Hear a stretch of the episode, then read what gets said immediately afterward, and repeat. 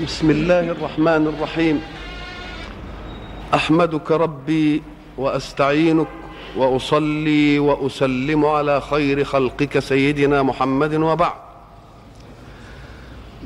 فقد انتهينا في اللقاء السابق إلى أن الله سبحانه بعد أن قسم المستقبلين لدعوة الإسلام على لسان سيدنا محمد إلى أقسام ثلاثة قسم يؤمن وقسم يكفر وقسم ينافق فهو مؤمن اللسان كافر القلب. وقلنا إن المؤمن حافظ على انسجام ملكات نفسه فلم تتنازع ملكاته لا في الدنيا ولا في الآخرة. فليس له لسان يقول وقلب ينكر. والكافر وإن انسجم مع نفسه في ظاهر الأمر بأن جعل ما في قلبه على لسانه فإنه لم ينسجم مع ملكات نفسه في دار البقاء وإن حرسها من التمزق في دار الفناء.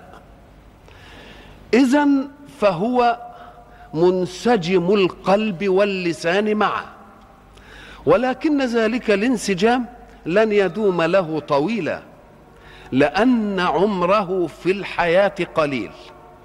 ومهما طال به الزمن فسيلقى ربه الذي كفر به. وحينئذ يجده كان مخدوعا في انسجام ملكات نفسه. كان مخدوعا بأن قلبه قد انسجم مع لسانه. فإذا به يجد كل أبعاضه في الآخرة تنتقض عليه انتقاضا يفضحه. فتشهد عليه جلوده ويشهد عليه لسانه وقالوا لجلودهم لم شهدتم علينا؟ قالوا أنطقنا الله الذي أنطق كل شيء. فأول تمزق له في وحدات ملكاته أن جلوده انتقضت عليه. والجلود هي نهاية الظرف المحيط بالملكات. ويسبق ذلك أن تشهد عليهم ألسنتهم وأن تشهد عليهم أيديهم وأن تشهد عليهم أرجلهم بما كانوا يعملون فأي شيء بقي لهم من ملكات نفوسهم لم يتناقض معهم. اذا فقد حافظوا على انسجام ملكتين القلب واللسان ولكن الله فضحهم بتمزق ملكات نفوسهم وشهد الكل انتقاض هذه الملكات على بعضها. الجلود تشهد والألسنة تشهد والأيدي تشهد. كل ذلك يؤكد أن كل أبعاض نفسه قد انتقضت عليه لأنها بين يدي من سلب له القدرة عليه في الدنيا لأن الله حينما خلق الإنسان بهذه الأبعاض وخلقه بهذه الأجهزة جعل له إرادة وسيطرة على الأجهزة فهي تخضع لإرادته وإن كان عاصيا لربه. رجله يحب أن يمشي إلى المسجد فتمشي وإلى الخمارة فتمشي ويده يربت بها على كتف يتيم ويضرب بها إنسانا ظلما. فهي منقادة له في هذه وفي تلك بحكم التسخير له لأن الله سخر له ما في الكون ليخدمه وسخر أبعاضه لتكون في خدمة إرادته. فيغتر بذلك. ولذلك ضربنا مثلا بأن قوة من الجيش تذهب وفيها قائدها الجنود بحكم قانونهم العسكري يطيعون أمر القائد. لا يختلفون عليه ابدا وإن أمرهم خطأ. لكن حينما يعودون مع قائدهم إلى السلطة العليا يقولون أرغمنا وكنا كارهين. كذلك يكون موقف ابعاض الكافر أمام الله لأنهم قد حماهم الله من إرادة الكافر عليهم ولم تبق الإرادة إلا لله. والمنافق تمزق مع نفسه في الدنيا وسيتمزق مع نفسه في الآخرة. هؤلاء هم الأصناف الثلاثة. بعد أن شرح الله قضية الاستقبال للدعوة بهذه الصور وجه الحق دعوته إلى الناس جميعا بأن يؤمنوا بالله ايمانا يردون به الجميل لإنعامه عليهم ايجادا من عدم وامدادا من عدم وقيومية تحفظ. ثم جاء بالأدلة التي تثبت له أحقيته بذلك الإيمان بأشياء لا يدعي واحد أن واحدة منها له. والإنسان إذا استقرأ الكافرين لم يجد كفارا على مقدار ما فيهم من لدد الكفر وعناد النكران لم يجد ابدا واحدا منهم يدعي أنه خلق نفسه. ولم يوجد واحد يدعي أنه خلق السماء. ولم يوجد واحد يدعي أنه خلق الأرض. ولم يوجد واحد يدعي أنه أجرى الأنهار وأنزل الماء.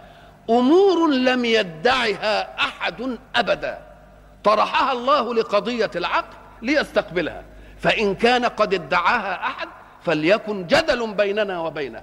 ولكن لم يدعها أحد. والدعوة إذا قالها مدعيها ولم يقم له من يناقضه فهي له إلى أن يوجد المناقض. فإلى أن يوجد مناقض يقول لا أنا الذي خلقت السماء أنا الذي خلقتكم أنا الذي خلقت الأرض أنا الذي أنزلت الماء من السماء أنا الذي أخرجت الثمرات من الأرض. إلى أن يوجد ذلك المعارض المعاند يكون الأمر لمن قاله أولا. إذا فطرح الله دعاوى لم يدعها أحد. وقلنا في ضرب المثل لهذه المسألة أننا هنا مجتمعون. وهب أن حافظة نقود وجدت بالمسجد فقام واحد من بيننا وقال هي لي ولم يدعها أحد معه فلمن تكون الحافظة؟ تكون له. إذا فالله طرح دعاوى ولم يقم واحد لينقض هذه الدعاوى. إذا فهي له إلى أن يثبت المناقض. الحق سبحانه وتعالى حينما تكلم في قضية الإيمان به والعبادة له لأنه خلق وفعل وفعل وفعل أمورا لم يدعها أحد يريد أن ينبهنا إلى أنكم أيها الناس لن تتلقوا عني مباشرة بل لا بد من واسطة في التلقي عني لماذا؟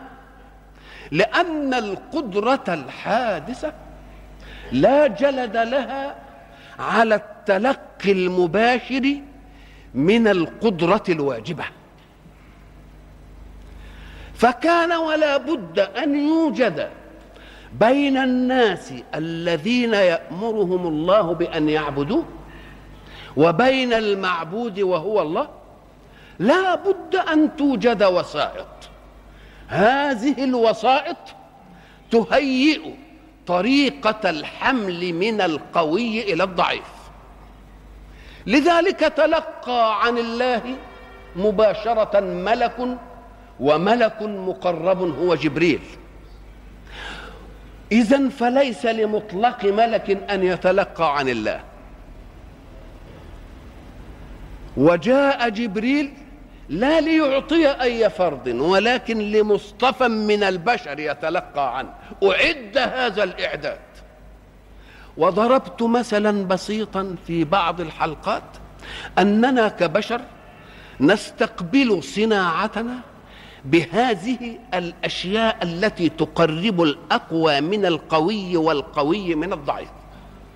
فقلت هب أنك تريد ضوءا خافتا تجعله دائم الاشتعال في البيت حتى إذا ما استيقظت لم تتعثر في متاع بيتك.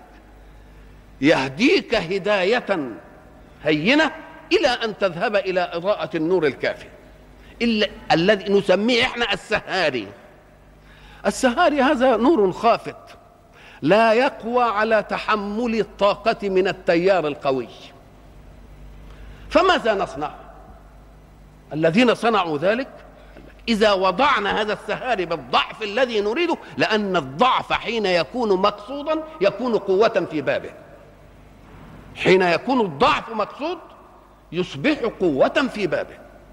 فماذا صنع؟ قالوا لا بد أن نصنع آلة تستقبل من القوي ثم تعطي الضعيف. اللي بنسميها ترانزستور اسمها إيه؟ transformer. آه. إذا فإذا كان البشر يصنعون ذلك في توازن بين قوة عليا تعطي وقوة ضعيفة تستقبل. إذا فالله عاملنا بنفس ما نعامل به أنفسنا. لم يشأ الله أن يخاطب الناس جميعا هكذا. أن مش ممكن أبدا ما كان لبشر أن يكلمه الله إلا وحيا أو من وراء حجاب أو يرسل رسولا. لأن الطاقة وقد ضرب الله لنا مثلا في ذلك حينما طلب سيدنا موسى أن يرى ربه. قال له لن تراني. لا تقدر بتكوينك على رؤيتي. وأراد أن يدلل له انظر إلى الجبل. والجبل أقوى منك بلا شك. فإن استقر مكانه فسوف تراني. فلما تجلى ربه للجبل ماذا كان؟ جعله دكا.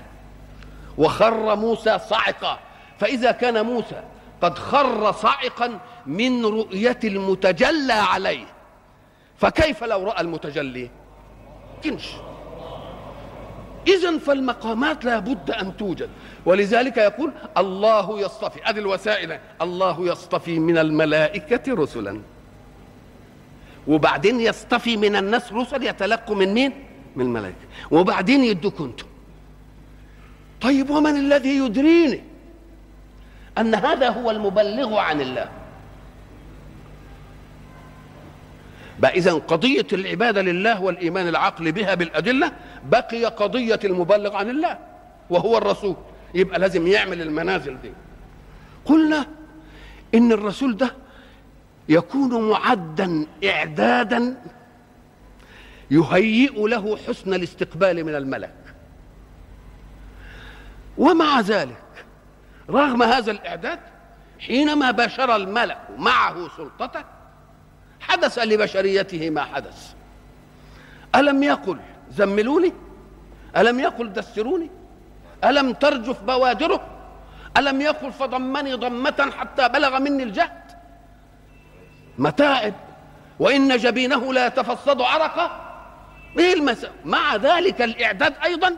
فإن اتصال الملك به جعله في تعب. إلى أن ألفه إزاي؟ قال لك لأن الإنسان إذا صادفته مشقة تؤلمه المشقة حين وقعها وحين يهدأ من المشقة ينظر إلى النتيجة التي وصلت إليه من المشقة. فقد وجد رسول الله بعد المشقة حلاوة وحي فلما هدأ اشتاق هو للوحي. اشتياقه هو للوحي. يجعل فيه طاقة الجلد على على انتظاره وعلى ترقبه. وإذا ما ترقبه وانتظر نوع من التخدير للوعي الحسي. لا يشعر بعد ذلك بما شعر به أولا. ولذلك جاء الوحي بعد ذلك إيه؟ هينا لينا. ليه؟ لأن إلفه صلى الله عليه وسلم. صحيح؟ تعب أولا.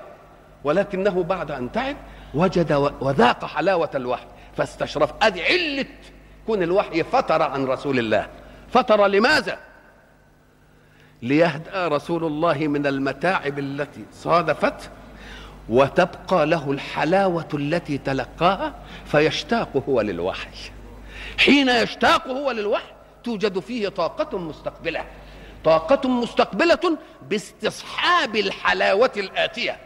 وما دام الطاقة تستقبل باستصحاب الحلاوة يقوم يهون الإيه؟ يهون الأمر.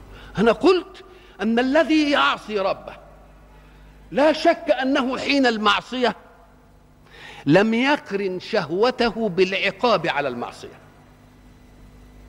والذي يهمل الطاعة ويتكاسل عنها لم يقرن كسله عن الطاعة بالثواب عن المعصية. فالذي يمتنع عن الطاعة والذي يقبل على المعصية الاثنان جهلوا أو لم يقرنوا الجزاء على الطاعة والعقاب على المعصية. ولو أن واحدا استحضر الجزاء على الطاعة وضخامة الجزاء من الله وبقاء الجزاء من الله وخلود الجزاء من الله ثم قارنها بما تعطيه بما يعطيه الكسل لا لا, لا بما تعطيه الشهوة لما جعل لهذه الشهوة مدخلا لأنه قارنها بالجزاء عليه. وضربت مثل قديم لطلاب الجامعة قلت هبوا أن شابا عنده تشرد جنسي. ثم جاءت له فتاة من السويد جميلة جدا ووجد له مكان يجتمع بها فيها. قلنا له ولكن لاحظ أنك بعد أن تأخذ شهوتك سندخلك هذا التنور المحمى. ساعة ما يشوف التنور تنقطع شهوته. إذا فالذي يجرئ الناس على المعصية أنهم لا يقرونون الجزاء والعقاب على المعصية بالمعصية بل يأخذون المعصية فقط. والذي أيضا يتكاسل عن الطاعة يفصل الجزاء على لو أنه قرن الجزاء على الطاعة بالعمل ولذلك كل المجدين في الحياة والمتكاسلين.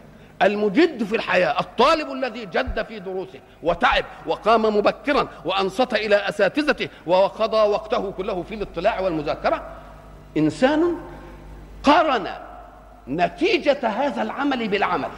فقال وسأصبح بعد ذلك إنسانا لي مركز في الحياة ومعي شهادة عليا وإلى إذا فالذي قرن الجزاء على الجد بالجد يهون عليه أمر الجد. وأما الذي يهمل فهو لم يأتي بالنتيجة أمام الإيه؟ أمام العمل. الحق سبحانه وتعالى حينما يدينا البلاغ عن عن الرسول لا بد أن يثبت صدق هذا الرسول. ما دام واحد بشر قلنا لازم يكون بشر. قلنا في الحلقة السابقة إنه لازم يكون بشر. لأنه لو كان أرقى من بشر لا تنفع الأسوة به. لأنه لما يجي يقول إيه لكم في رسول الله أسوة حسنة نقول له لا يا رب ما نقدرش. ليه ما تقدروش؟ انه من طبيعة أخرى غير طبيعتنا. ده ملك. هو إحنا نقدر نعمل زي الملك؟ اذا فلأجل الأسوة لازم يكون من إيه؟ من نفسه. ولذلك ربنا يعرض القضية دي كما قلنا وما منع الناس أن يؤمنوا إذ جاءهم الهدى إلا أن قالوا أبعث الله بشرا رسولا. هذا هو منطق الغباء. قل ردا عليهم لو كان في الأرض ملائكة يمشون مطمئنين لنزلنا عليهم من السماء ملكا رسولا. اذا لابد أن يكون الرسول من مين؟ من اذا فالذين كما قلنا يدعون إن المسيح إله أو ابن إله نقول لهم إن كان كذلك فقد فقدت به الأسوة. لأنه ما يقدرش يقول اعملوا زي نقول له لا هو إحنا نقدر ده أنت إله وابن إله ما نقدرش. يبقى انهدمت قضية الإيه؟ قضية الالوهيه ولذلك تجد حينما توجد فتنة في هذا الفتنة وجدت ليه؟ ليه وجدت في عيسى؟ أم قال لك لأنه أصل هو انعدم فيه عنصر الذكورة. طيب وبقي عنصر إيه؟ ما دام انعدم فيه عنصر الذكورة وبقي له إيه؟ عنصر الأنوثة. طيب الفتنة فيه أولى ولا الفتنة في آدم اللي لا ذكورة ولا أنوثة؟ كان يجب أن تكون في من؟ في آدم. أولى من أن تكون في إيه عيسى. ولذلك انظروا إلى قضية القرآن. إن مثل عيسى عند الله كمثل آدم. فإن كنتم قد فتنتم في عيسى لأن عنصر الذكورة ممتنع فيه. فكان يجب أن تفتنوا أكثر في آدم لأن عنصر الذكورة والأنوثة ممتنع فيه معا. ويبقى نقول لأقوى. ده على فرض يعني إننا هنتنازل شوية. آه. يبقى اذا لابد أن يوجد الرسول بشر ولا بد أن يمد بآية. هذه الآية التي نسميها المعجزة. المعجزة هي التي تثبت طلاق قدرة الحق في الخروج على قوانين الأسباب ونواميس الكون. كل شيء له ناموس. كل شيء له قانون. قانون السببية والمسببية. لكن قانون السببية ينخرم في الرسالة. إزاي؟ قال لك لابد أن يأتي بشيء الأسباب ما تجيبوش. يديله معجزة. ولما كنا شرحنا هذه المسألة قلنا لم يكن حظ الله في نجاة إبراهيم من النار إنه نجيه. وإلا لو أن المسألة كده كان لا يمكن الكفار منه. أدي واحدة كان لما أوقدت النار لإحراقه كان يبعت شوية مطر يطفوه. إنما لو صنع هذا لقيل نواميس حالت بيننا وبين إرادتنا. لو مسكناه كنا حرقناه. لا امسكوه. لو السماء ما أمطرتش ودي مش في إيدنا كنا حرقناه. لا ما تمطريش يا سماء لو النار جينا نولعها وما ولعتش كنا نقول يا سلام لو ولعت. نقول له لا تمسكوه. والسماء ما تمطرش والنار تبقى موقودة وتتمكنوا منه وتاخدوه كده وترموه.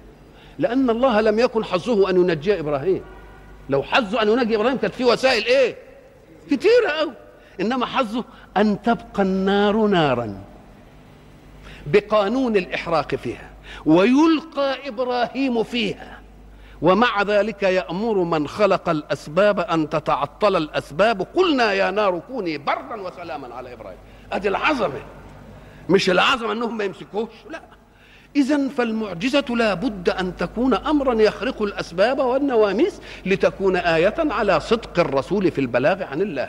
قلنا أيضا أن المعجزة لا بد أن تكون من جنس ما نبغ فيه القوم والعرب المباشرون لتلقي الدعوة مهمتهم الفصاحة ملكتهم البيان عندهم لماضة فيجي لهم من جنس ما إيه؟ من جنس ما قالوا. فلما جاءهم الرسول بهذا ارتابوا في القرآن. ربنا عالج بقى القضية دي بقوله سبحانه وإن كنتم في ريب مما أنزلنا مما نزلنا على عبدنا فأتوا بسورة مثله. وادعوا شهداءكم من دون الله إن كنتم صادقين. قضايا الآية عايزة. كنتم وفي ريب يعني في شك ومما نزلنا لا أنزلنا ما قالش أنزلنا نزلنا وكلمة عبدنا وبعدين فأتوا أنتم مجتمعين بصورة مثله وأنتم محكمون في أن تستحضروا أنتم من يشهد لكم. إحنا مش اللي هنجيب الشهود إنتوا اللي هتجيبوا الشهود. بس تكون الشهود من دون الله. يعني ما يقولش واحد منكم يشهد الله أني كذا. ما هو في واحد تيجي تجادله يقول يقول لك إيه؟ يشهد الله أني فعلت كذا. نقول له لا اهيدي شهادة الأقوى. إنما ربنا مش عايز شهادة الأقوى عايز شهادة الأضعف. ليه؟ لأن الله غيب. وشهادته غيب. وأنت الذي أخبرت أن الله يشهد. فمن ادرانا أن الله شهد. يبقى اذا يشهد الله ما تنفعش. إنما يشهد عباد الله تبقى أقوى من يشهد الله. لأن عباد الله تقوم بهم الحجة. إنما أنت تقول لي يشهد الله طب أنا اللي عرفني أنت تخبرني أن الله يشهد. ومن قال أن ده صدق. اذا اديا اللي يقول لك ربنا ما قبلتش شهادته وقبلت شهادة عبده. نقول له نعم. لأن شهادته مدعاة. وشهادته غيب لم يطلع عليه أحد. ولذلك يقول إيه؟ ومن الناس من يعجبك قوله في الحياة الدنيا. هي ويشهد الله على ما في قلبه. وهو ألد الخصام إذا إشهاده لله ينفعه. لا يا سيدي أنا عايز الناس عباد الله هم اللي يشهدوا. لأن شهادتهم هي التي تقوم بها الإيه؟ هي التي تقوم بها. ما تتمحكش في أمر إيه؟ في أمر غيبي وتدعيه على الله. والله غيب لم يخبرنا بإيه؟ بهذه المسألة. إذا عندنا عايزين نعالج بقى القضايا اللي في الآية. قضية الكن يعني كان وكنتم وقضية الرب. وبعد ذلك الإتيان بصورة مثله. ساعة ما تسمع كنتم ولا كان ولا أخواته اللي هي أصبح وإيه؟ وأمسى وبات وما زال وما كلكم عارفين أخوات كان. ونقول أكن كان ديا هي وأخواتها لا تكتفي بمرفوعها. يبقى عايزة ماذا تريد؟ تريد خبرا. ليه؟ طب إذا قرأت القرآن تجد فيه كان وما لهاش خبر. وإن كان ذو عسرة فنظرة إلى ميسرة. وإن كان ذو عسرة طب ذو اسم كان. فين الخبر؟ ملهاش إيه؟ ملهاش خبر. تبقى ما تقوليش كان بقى. آه ما بتكتفيش بمرفوعة لأنها هنا اكتفت. طيب آه فسبحان الله حين تمسون وحين تصبحون. فين خبر تمسون وخبر تصبحون؟ ما فيش. تبقى ما تقوليش بقى مطلق كان بقى. دي كان اللي بيسموها كان الإيه؟ النقصة. كان النقصة. أنا عايز تفهموا دي علشان هتمر عليكم كتير قوي. كان وأخواتها وتتعرضوا لأقضية إيه؟ كثيرة. نقول له خد بالك بقى. إحنا قلنا في أول الحلقات هنا أن الفعل عايز عنصرين اثنين عنصر الزمان وعنصر الحدث. مش كده حدث وزمان؟ حدث كتب أدي الحدث ومين هو؟ كتب فين في أي زمن؟ في الماضي. يبقى كتب في الزمن الإيه؟ يكتب يبقى أدي حدث. بس في الزمن هو. اكتب حدث بس في الزمن اللي إيه؟ اللي جاي. يبقى اذا الفعل لابد أن يكون من عناصره الإيه؟ الحدث الزمن. طيب والحدث؟ قال لك شوف بقى في حدث مطلق وفي حدث مقيد. يعني إيه؟ قال لك حدث الأحداث بالنسبة للإنسان الوجود. كان يعني وجد. كان الشيء يعني إيه؟ وجد. إنما وجد على هيئة إيه؟ يجيب له حدث تاني بقى. كان مجتهدا يبقى كان مجتهدا. أثبتت أنه وجد أدي مرحلة. وبعدين جاله فعل تاني طرأ على الوجود وهو إيه؟ الاجتهاد. يبقى لما تعوز الفعل الأول مطلق الوجود بس من غير وجود ثاني يطرأ على الوجود الأول تبقى كان تمه. ما فيهاش إلا وجد بس. فإن كان ذو عسرة يعني إن وجد ذو عسرة.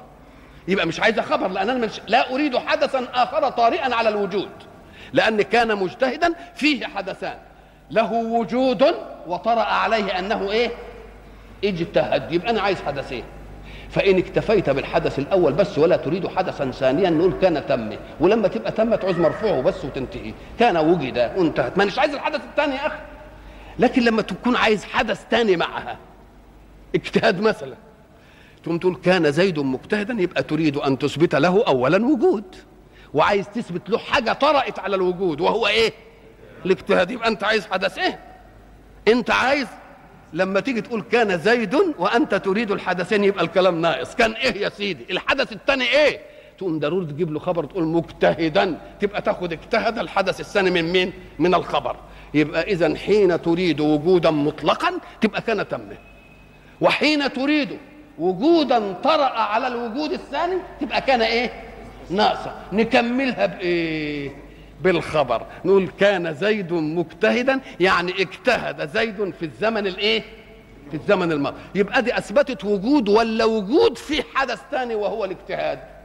فإن كان الفعل يدل على الوجود فقط اللي هي المسألة الأولى في الحياة الوجود. وبعدين تطرأ الأشياء الإيه؟ الثانية إن أردت شيئا مما يطرأ على الوجود تبقى عايز حدثين اثنين كان دي ما تدلش إلا على الحدث المطلق الأول. فإن أردت الحدث الجديد لازم تجيب خبر. الخبر يكمل إيه ويعمل إيه؟ يدي لها الحدث الثاني. وما دام يدي لها الحدث الثاني إن ما جبتوش تبقى ناقصة. تبقى إيه؟ تبقى كان الإيه؟ كان النقص. عال قوي كل ما تشوف بقى كده إن أردت الوجود تصبح تصبحون يعني إيه بقى؟ يعني أصبح فلان. يبقى دخل في الصبح. بس. إنما أصبح إيه؟ مسرورا مغتما صحيحا مريضا ملناش دعوة. يبقى أصبح يعني إيه؟ دخل في إيه؟ في الصبح. هذه آه تبقى أصبح تمه مش عايزة حاجة. إنما عايز تجيب حدث ثاني تقوم تقول مسرورا يبقى لازم فيه إيه؟ لازم فيه خبر ضروري. بس وإن كنتم مرتابين. يبقى لا يريد الوجود فقط وإنما يريد الوجود بصفة إيه؟ ظرفيته في الارتياب. الارتياب مغلفه كنتم تدل على الماضي. وبعدين قال فأتوا دي إيه؟ مستقبل. يبقى فيه براح بين الزمن الماضي والزمن المستقبل. ساعة ما يبقى فيه براح للزمن بين الزمن الماضي اللي هو حصل فيه الريب. والمستقبل اللي مأمور فيه أن يأتوا بصورة تبقى فيه فسحة إيه؟ في فسحة الوقت. وعادة الزمن إحنا بنقسمه إلى إيه؟ ماض آه؟ وحال واستقبال. نقول له كلمة حال دي تقسيم اعتباري. لأنك أنت لما تنظر في يأكله يأكله بياكل اهو دلوقتي. صحيح؟ هو بيأكل في الحال ده. إنما أنت ساعة ما تقول لي يأكله العملية الأكلية اللي مقابلة لليه كانت العملية الأكلية المقابلة للايه للهمزة وللكاف واللام لسه إيه؟ ما جاش تبقى مستقبلة. طب ولما تقول يأ وتجيب الهمزة تبقى العملية الأكلية المقابلة لليه بقت ماضي. والعملية المقابلة للهمزة بقت حالا. والعملية اللي هتيجي بعد الكاف واللام تبقى إيه؟ يبقى اذا الفعل لا ينفك عن إيه؟ آه بس الحال ده أمر اعتباري.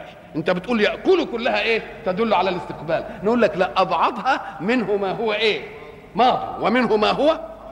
ومنه ما هو؟ فسموه استقبال كله.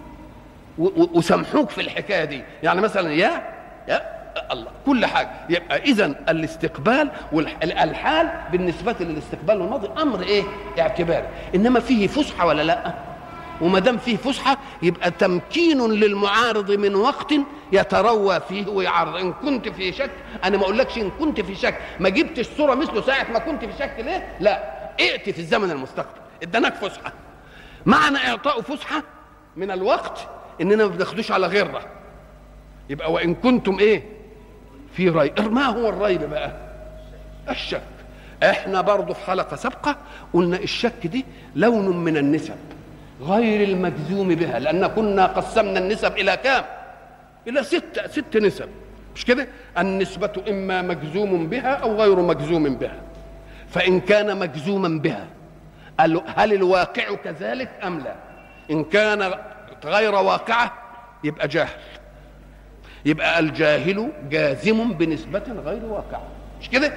طب وإن كانت واقعة؟ هو جزم وهي واقعة.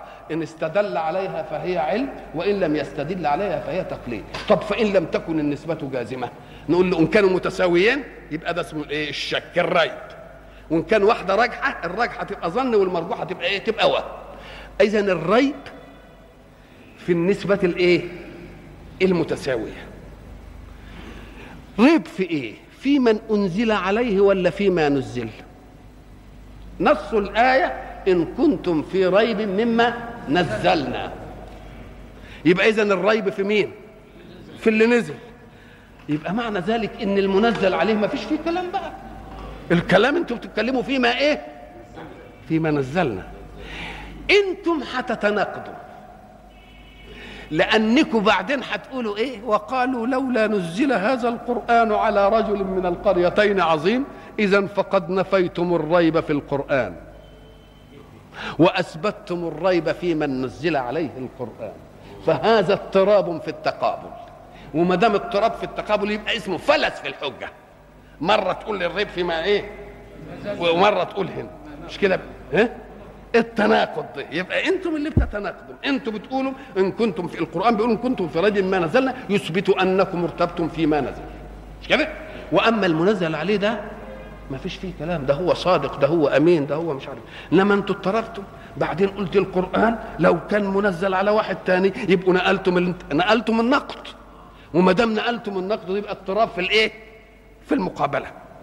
وأيضا اضطربتم تاني وقلت ده سحر. مش قالوا كده؟ قالوا سحر. بيسحر الناس. قلنا في الرد عليهم علشان يبقى رد كده خالص. قلنا والله أنتوا أغبياء يا بعد إن كان سحر وبيسحر الناس إشمعنى أنتوا ناصحين كده وما انسحرتوش؟ طب ما دام بيسحر الناس إشمعنى سحر الناس وأنتوا لا؟ لو كان سحرا لسحركم معهم. إذا فبقاؤكم لتقولوا إنه سحر دليل على أنه ليس ليس بسحر. طيب يقولوا شعر. طب فيكم شعر؟ فيكم شعر. يقولوا كهانة فيكم كهان مش كده؟ الله. إذا كل باب مردود عليه. وعلى إيه؟ بلاش الكلام ده كله. مسألة بسيطة. معنى في ريب يعني أن الله لم ينزل. معنى في ريب أن, أن الله إيه؟ لم ينزل. عادي. ما دام ربنا ما نزلوش. إذا نفيت الفاعل لا ضرورة أن ينفى الفعل لم تقول ما سرق فلان من عندي شيء. يبقى أنت نفيت السرقة من فلان. إنما السرقة يبقى كأنكم آملتم أن شيئا نزل مش كده؟ مم. وبعدين بتقولوا بس هو ما نزلش من ربنا طب نزل من مين؟ نزل من مين؟ ما هي لولا نزل يبقى فاهمين إنه إيه؟ مش نزل طب نزل من مين؟ نشوف كده اضطربوا مرة وقالوا ده في واحد هناك قاعد هناك أهو على الجبل هناك بيعلمه قال لهم اتقفشتم لسان الذي يلحدون إليه أعجمي. روحوا كلموه كده إن كان يعرف ينطق كلمة عربية. لسان الذي يلحدون إليه وهذا لسان عربي مبين. يا كذابين إن كنت كذوبا فكن ذكورا. ده أعجمي اللي أنتوا بتقولوا عليه ده. طيب. يبقى اذا فيه شيء نزل ولكنكم تنكرون أن الله هو الذي أنزل. يبقى أمال مين اللي نزله؟ يا اللي أنتوا بتقولوا عليه ده ردنا. وعلى إيه بلاش ده وده ما دام أنتوا فاهمين إن ربنا ما أنزلوش؟ وان هو محمد اللي قاله من عنده؟ طيب هاتوا واحد بقى يقول لنا زيه. آه الشيء إذا حدث من بشرية ذاتية يعني أنت قدرت على شيء بذاتيتك بدون معونة أحد. لا تستطيع أن تتحدى به سواك.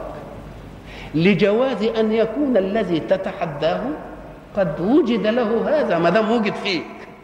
ما دام وجد عندك. وهو من ذاتك مش من مصدر خارجي. يبقى إزاي يبقى عندك قوة كده وبعد ذلك تتحدى؟ وتحرض. اللي يتحدى ويحرض لازم يكون فاهم إن مفيش قوة هتساويه علشان تجيب مثل هذا الكلام. وما دام أنت من ذاتيتك إشمعنى ذاتيتك هي اللي هتجيب ده؟ اشمعنى؟ ذاتيتك هي اللي هتجيب ده وذاتية الآخرين لا تأتي به أيضا. اذا فكونه يصر على التحدي والتحدي تحريض على المعارضة ولا يحرض على المعارضة إلا من وثق أن من يتحداه لن يستطيع بذاتيته أن يأتي بمثل هذا لأنه بذاتيته لم يأت به. لأنه بذاتيته لم يأت به. يحرضهم. ويتحداهم ويتوعدهم. تحريض ده شحذ همة المعارض. الذي يحقق رقما في حمل الأثقال ويقعد يتحدى وبعدين يجي واحد يكسر الرقم بتاعه. كسره ليه؟ لأن له برضه ذاتية زي ده ما تفوق يمكن ده يتفوق عنه بكيلو. دي تؤدب بعد ذلك أن الشيء إذا كان من ذاتية نفسك بدون مدد أقوى منك لا يصح أن تتحدى به مساويك لجواز أن يكون متفوق كمان عنك إصرار محمد على التحدي ويحرض ويتوعد ويقول لهم اجمعوا وهاتوا والإنس والجن وكل الملكات. معنى ذلك إيه؟ وثوقه أنه ليس من ذاتيته. لو لم يكن واثقا من ذات من أنه من ذاتيته لما أمن أن يوجد واحد مثله ولا واحد أقوى منه وخاصة أنه لا يتحدى فرد بل يتحدى جماعة ويتحدى إنس ويتحدى ويتحدى جن. فقال لهم المسألة بسيطة ما دام المسألة أنتم بتقولوا من عنده وأنتم بحكم وضعكم معه ووضعه معكم أقوى منه في تناول الكلمات والأدب. لم يؤثر عنه أنه خطب ولم يؤثر عنه أنه قال شعر ولم يؤثر عنه ارتياض بالبيان أبدا. عادي عادي عادي جدا. كونه عادي ديا ربنا معدها لمسألة. ولذلك يجب أن تفتنوا لما يقولوا النبي أمي إن هي دي عين القوة له. كون أمي هي عين القوة لا ليه؟ قال لك لأن معنى أمي يعني زي ما ولدت أمه ما خدش حاجة من حد. ما تأثرش بثقافة أحد. علشان لو جاء بشيء لا يقال إن دي من الثقافات التي عرفها. يبقى لو جه بشيء يبقى إن كان الشيء ده مبهر يبقى لأنه من السماء من فوق. يبقى اذا الأمية تقويه في مقامه ولا لأ؟ الأمية تقويه في إيه؟ لكن الأمية بالنسبة لنا تبقى إيه؟ تبقى ناقص. إنما بالنسبة له إيه؟ كمال. لأن الأمية فينا أننا ما عرفناش الناس اللي حوالينا قالوا إيه. ما تثقفناش. إنما هو بيقول لا أنا ما خدتش من البشر حاجة ابدا. إنما كل اللي عندي ها علوي كل اللي عندي سماوي. يبقى ده دليل على أنه مصدر قوة للرسول مش لنا إحنا فقال لهم هاتوا بقى بصورة من مثله اولا القرآن حينما تعرض الله سبحانه وتعالى لإنزاله مرة قال أنزلنا ومرة قال إيه؟ نزلنا. إحنا قلنا مرة إن أنزلنا تعدية بالهمزة فكأنه أخرج القرآن من كنزيته في اللوح المحفوظ ليباشر مهمته في الحياة. لكن كونوا نزلوا بقى أقساط كده ونجوم تبقى إيه؟ اسمها إيه؟ نزلنا. حينما قال الله لهم هذا أكان كل القرآن قد نزل؟ يبقى ما تجيش أنزلنا. تبقى تيجي إيه؟ علشان تيجي النجوم بقى والأقساط دي اللي هي بتنزل لأجل الإيه؟ للأهل. القدر اللي نزل منه. وبعدين قال على عبدنا. على عبدنا. شوف كلمة عبد دي إحنا هرناها بحث. وعايزين يعني تتأكد في نفوس الناس. على عبدنا ده اولا. تدل على أنه لا دخل له فيما يقول إلا فيما وكل من الحق أن يقوله. في التشريع ملوش إيه؟ إلا فيما خول من التشريع. ما آتاكم الرسول فخذوه وما نهاكم عنه فانتهوا. يبقى اذا حيثية أن نسمع منه فقط مش بنسمع منه لأنه رسول بس بنسمع منه لأنه رسول وفوض في الكتاب أن يقول. ما دام رسول وفوض أن يقول يبقى حيثيه كل قول له لم يرد في كتاب الله أن الله قال ما آتاكم الرسول فخذوه وما نهاكم عنه فانتهوا. وقلنا الكلام ده زي الدستور الدستور بيجيب القضايا الايه وبعدين أقول له طيب تعالى هات لي كده من الدستور إن الموظف إذا غاب 15 يوم يترفد. طلعها لي كده انت بترفدني ليه؟ غبت 15 يوم. طب هات لي من الدستور ان ان الموظف اللي اتغيب 15 يوم يرفد. ما فاطنش إلى إن في مادة بالدستور بتقول إن مثلا ينشأ مثلا للموظفين كذا وينعمل لهم دون وتضع له الإيه؟ القواعد. يبقى تخويل المجلس بوضع القواعد دي إيه؟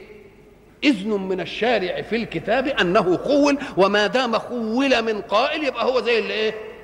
زي القائل. مفوض. فأتوا بسورة إيه؟ مثله. وهيجي مرة تانية يقول بسورة من مثله. ومرة يقول بعشر سور ومرة يقول إذا دي كلها ترقية للحجاج الجدلي في أن يتحداهم بالكل. ثم بالعشر سور ثم بسورة مثله أو بصورة من مثله وإن شاء الله في حلقة أخرى نبين الفارق بين مثله ومن مثله. وإلى لقاء آخر إن شاء الله.